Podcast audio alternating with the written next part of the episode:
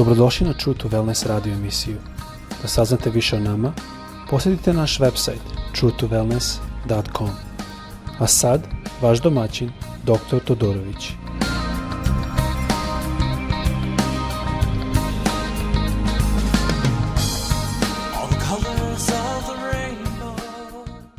Ljubazni, dobrodošli na naš podcast. Ovo je sada serija koju radimo o Petru, ovo je treći deo – E, U prva dva derela smo malo gledali pe, e, na Petra kroz pisanje što su u 14. glavi Mateja. Ako uzmemo tu priču zajedno sa pričom što je pisana u Jovanovom evanđelju, onda vidimo da Isus u stvari nahranio a, hiljade i oni su bili svi iznenađeni, ja verujem da su isto i njegovi učenici bili svi a, puni a, iznenađenja i radosti da je njihov gospod se tako proslavio i e, da su nahranili, a svakako Isus prvo nje, rekao njima, pa vi im dajte. To sve vidimo u Jovanovom evanđelju. I onda vidimo da Isus njih odjedan put poslao odmah da idu na vodu i mnogi veruju da je to zato što je narod hteo da ga napravi carem. I e, svakako a, bila je opasnost da će njegovi učenici pasti u to isto. I on ih je poslao i oni su a, e, išli a, e, po vodi, malo smo spomenuli to a, e, da je Petar a, svakako bio ribolovac, on je neko koji bi se lako uplašio, ali su, oni su se borili sa vodom i talasima, negde očekujem od 5 posle podne do 10 uveče. A, među vremenu Isus je proveo prilično tog vremena sam, moleći se i traži svog, e, i govori sa svojim ocem i onda je došao ka njima hodajući po vodi. Oni su se plašili, mislili su da je to duh, a zato što ako shvate i prihvate da je to Isus, onda svakako mora da prihvata da je on puno veći i jači na što su oni misli, zato što ima kontrolu nad morem i nad vetrama. I mi znamo da je Petar e, ga pitao, ako si ti daj da ja dođem tebi po vodi, on je rekao dođi, dođi. Dok su oči bile na Isusu, on je svakako dobro uspevao, ali kada smo oči pale na talase, stvari su bili dručiji, počele da, počeo da tone. I tu vidimo isto jedan tok o kome smo govorili da prvo oči nam padnu sa Isusa, onda dođe strah i onda počnemo da tonemo. To je proces i recept koji Đavo mnogo puta koristi, ne samo u toj situaciji, ne u mnogim drugima. E sad, ako mislite da se vama to ne bi desilo, ne znam baš, e, setite se da je Petar bio ribolovac, da on puno bura vidio na moru, ne mislim da bi se on lako uplašio. Ja ne mislim da je e, talas koji dolazio, e, da je to talas od možda 30 cm ili 50 cm. Ja bih rekao prije da su to bili talasi od 2 metra, možda malo veći. Tako sad možete zamisliti u, u smislu o čemu se radi, koliko je to bilo dramatična situacija za Petra, ali koliko je isto on naučio e, da se uzda i da se odmah okrene ka njegovom gospodu. I oni su tada shvatili i prihvatili da je Isus zaista sin Boga živoga. Jer sada ćemo nastaviti s tim što ćemo gledati Petrovo odrečenje što se nalazi u Jovanovom evanđelju, 18. glava, e, počevši sa 15. stihom. Tako da ćemo malo to da pogledamo. A ovo je situacija da je Petar, a, i, zato možda što je srce bilo jako za, žalosno, išao je za Isusom, teo da vidi što će biti sa Isusom. Možda je čak i očekivao da će Isus tu da se pokaže kao vojvoda, što su Izraelci očekivali da će doći vojvoda. Možda očekivao da će Isus, što on mogao, da pozove anđele i da sravni celu zemlju, ali mi sad znamo da Isus takav nije, to nije njegov srce. E, možda je očekivao bilo šta tu, ne znam tačno, ali kad je naišao na situaciju da je došlo malo pitanje Da li si ti jedan od njegovih učenika? On se odrekao, kao što mu Isus rekao napred. Sad nemamo puno na, e, vremena da uđemo to, ali razmišljajte o toj situaciji. Nemojte zbori da ima dvoje koji su se odrekli Isusa. Jedan je Petar, jedan je Juda Iskariot. Jedan, jednom je Isus rekao, kad se obratiš nazad, o, o, ojačaj braću. A drugom nije bilo oproštaj. Zašto?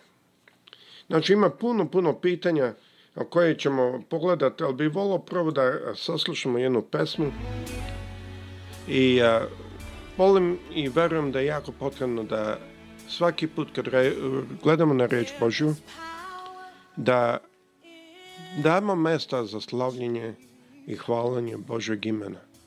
Mislim da je to jako bitno. Ajmo slušati ovu pesmu.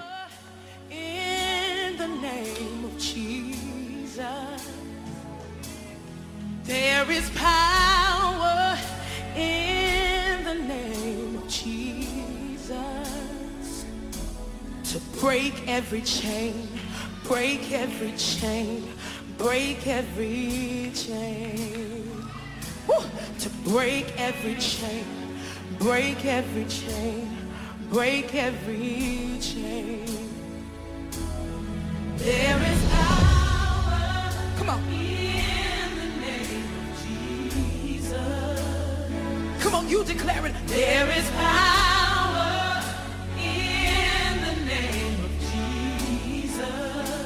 There is power. There is power in the name. In the name of Jesus. We know where it is to break, every chain. break every chain, break every chain. Come on, say to break every, break every chain, break every chain, break every chain. There's an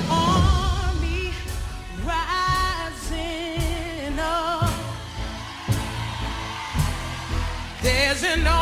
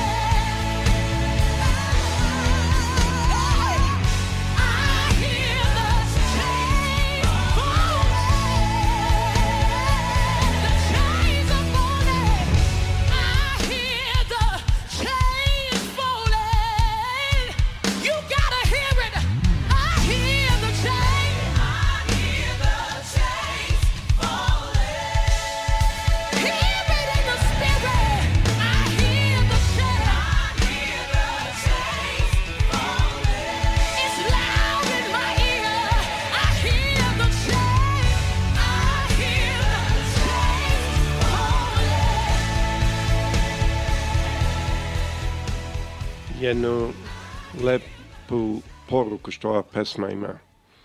Što možda u celoj pesmi mislim da najviše nalazim ohrabrenje u toj poruci. I često puta sam to i govorio a to je da Bog ima svoju armiju. Mnogi će reći da, on ima anđeli, ne, ne, ne.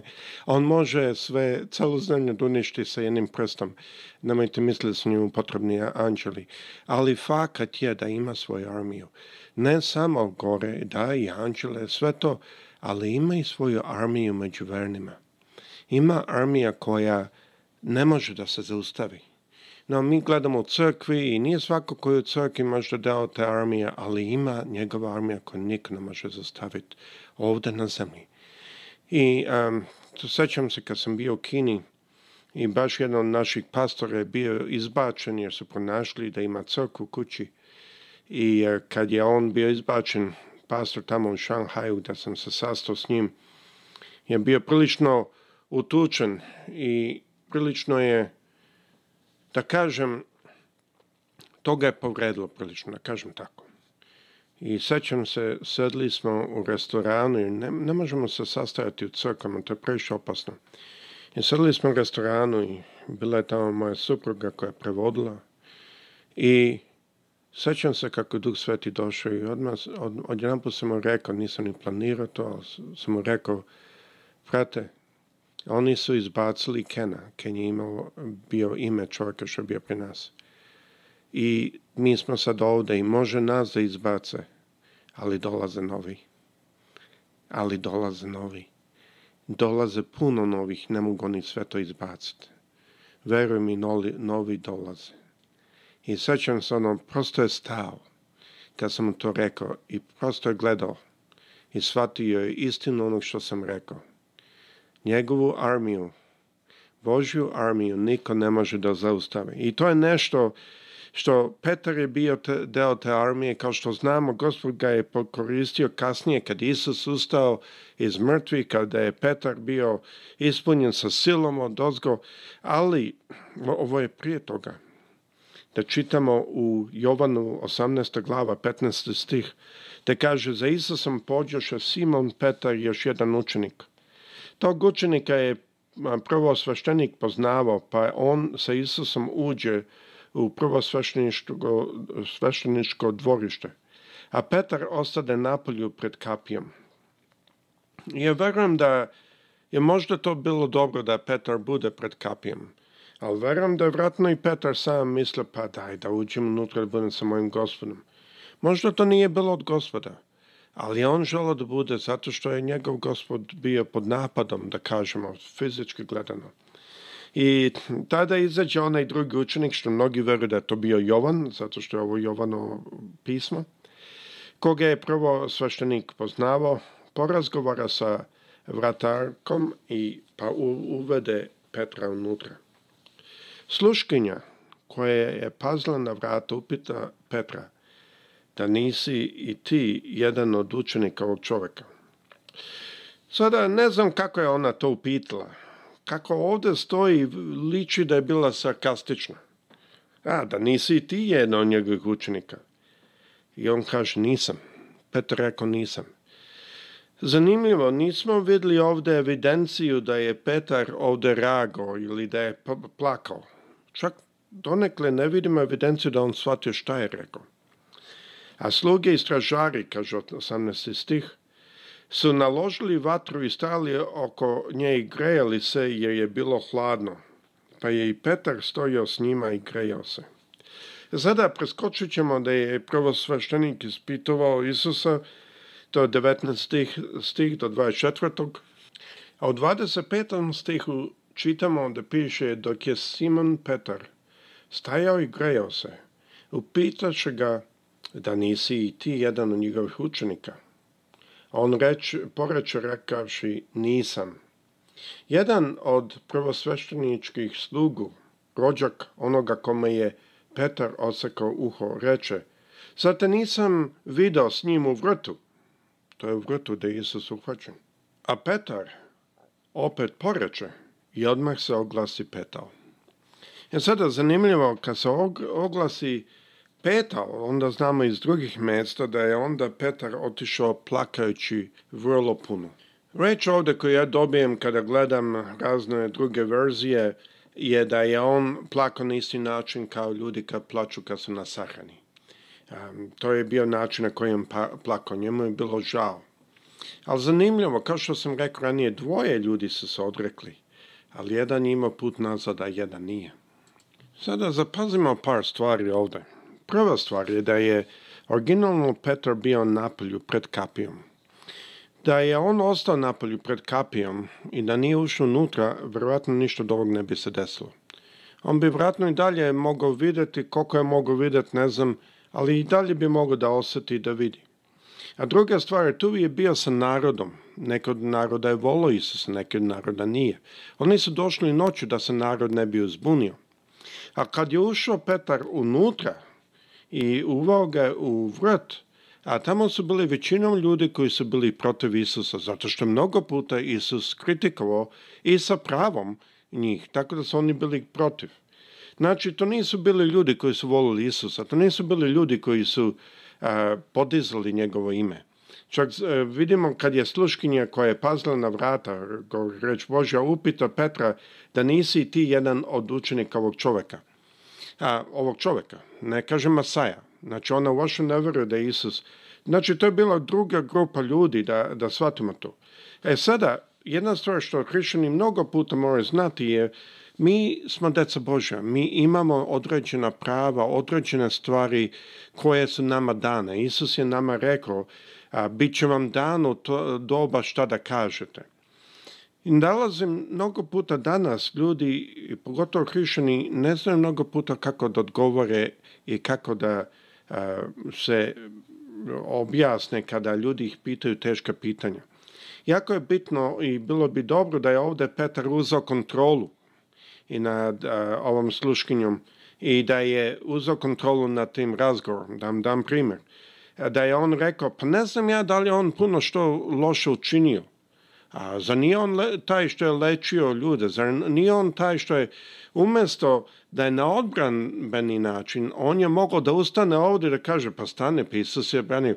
Mislim da bi tu započeo jedan razgovor ali ne bi išao sa strane e, slabosti, nego bi došao sa strane e, da upravlja situacijom.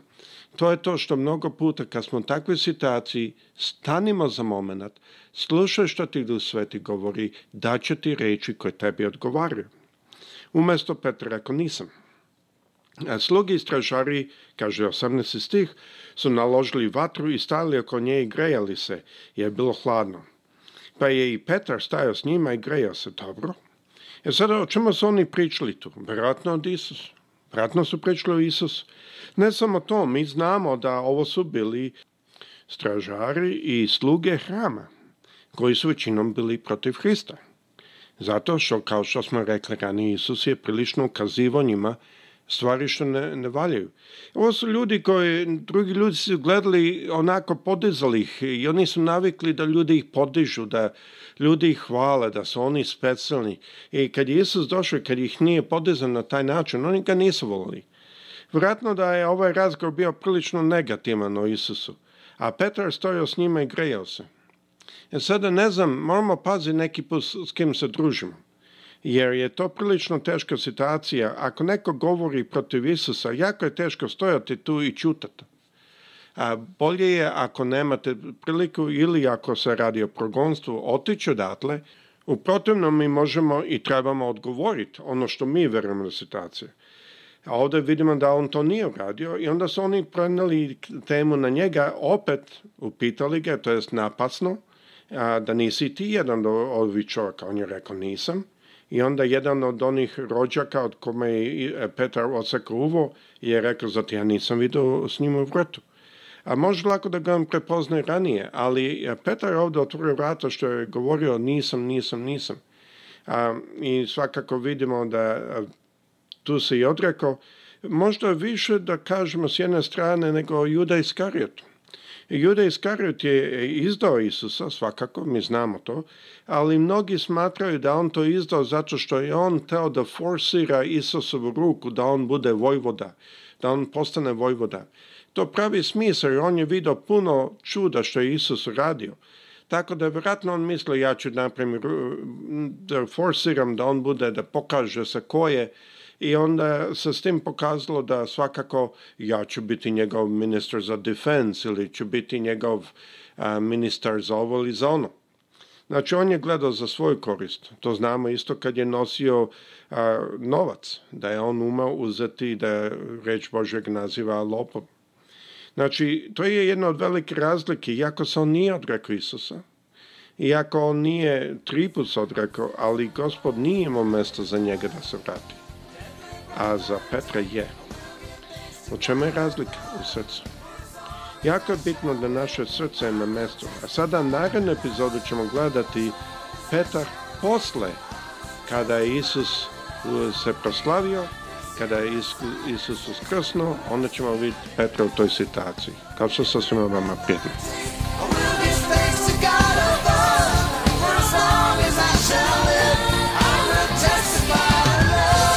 Slušate True to Wellness radio emisiju. Pridružite nam se ponovno. Za kontakt molimo posjetite naš website truetowellness.com. Naša e-mail adresa je info at truetowellness.com.